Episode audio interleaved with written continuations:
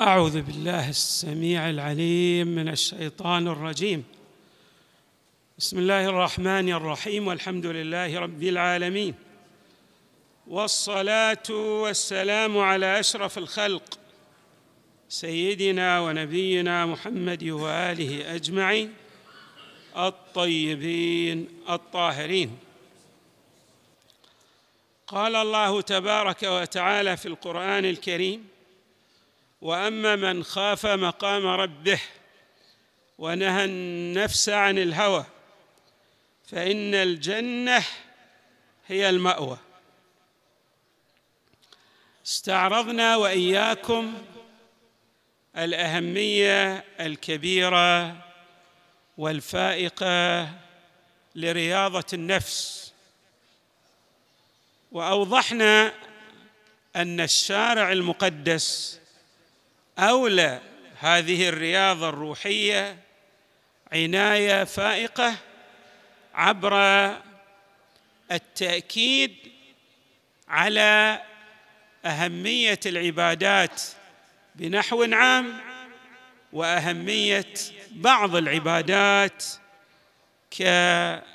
كالصوم والحج بنحو خاص.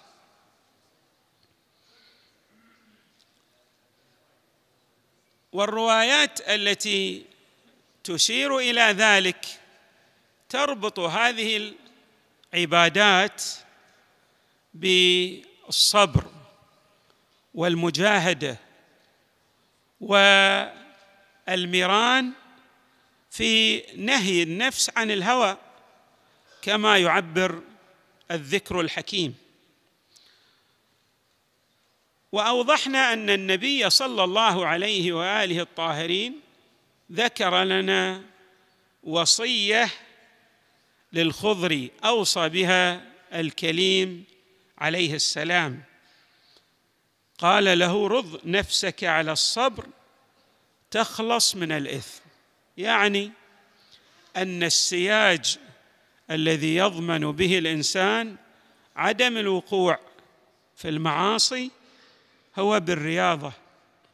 وهذه الرياضة تتأتى من الصبر. وفي بعض الروايات تقسيم للصبر أيضا إلى ثلاثة أقسام. من هذه الأقسام الصبر عن المعصية الصبر عن اتباع الهوى.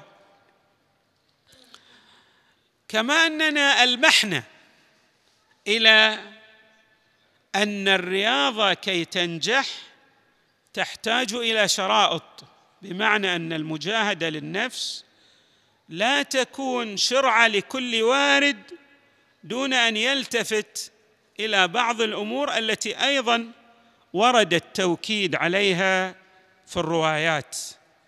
من هذه الأمور التي أكدت عليها الروايات أهمية العلم.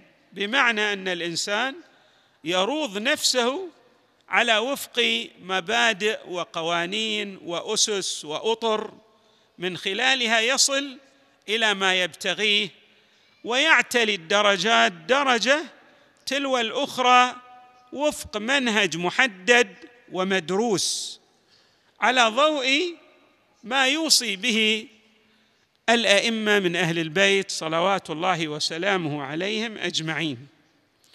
من الأمور أيضا التي أكدت عليها الروايات مسألة جد هامة ألا وهي اليقظة بمعنى الالتفات الدائم إلى النفس. وفي بعض الروايات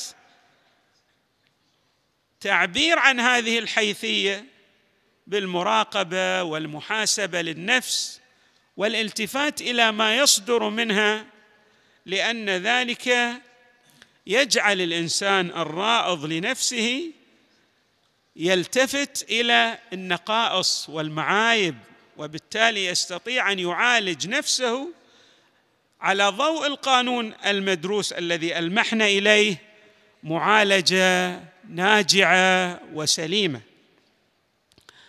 أيضا من الأمور التي نريد أن ننبه عليها أن بعض الناس يروض نفسه وباعتباره لا يلتفت إلى ما يريده الشارع منه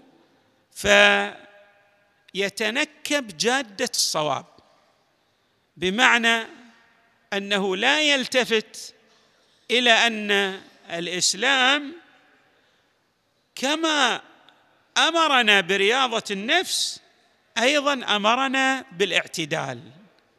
وهذا الاعتدال جاء في روا في آيات متعددة وأيضا في روايات متعددة.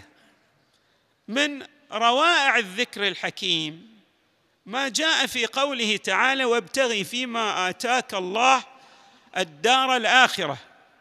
ولا تنس نصيبك من الدنيا وأحسن كما أحسن الله إليك.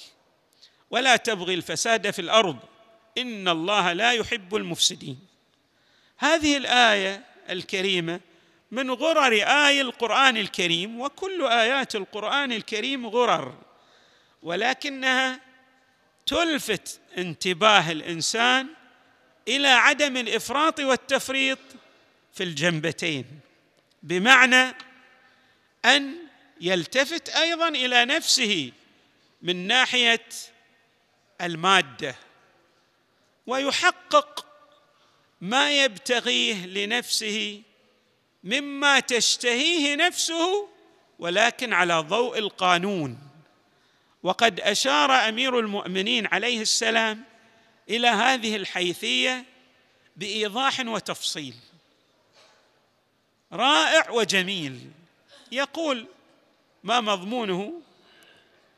أن المتقين شاركوا غيرهم في لذائذ هذه الحياة الدنيا. يعني كما أن غير المتقي يلتذ بهذه الخيرات الموجودة في الحياة الدنيا كذلك المتقي يلتذ أيضا بها. ولكن الفارق الأساس والجوهري بين المتقي وغيره أن غير المتقي يتعدى حدود الله ويظلم نفسه. أما الأتقياء أما الصالحون فهم أيضا يلتذون بهذه الحياة الدنيا وما فيها من طيبات ولكنهم يسيرون على وفق ضوابط وقوانين شرعها الحق تبارك وتعالى لإيصال العباد إلى سعادتهم.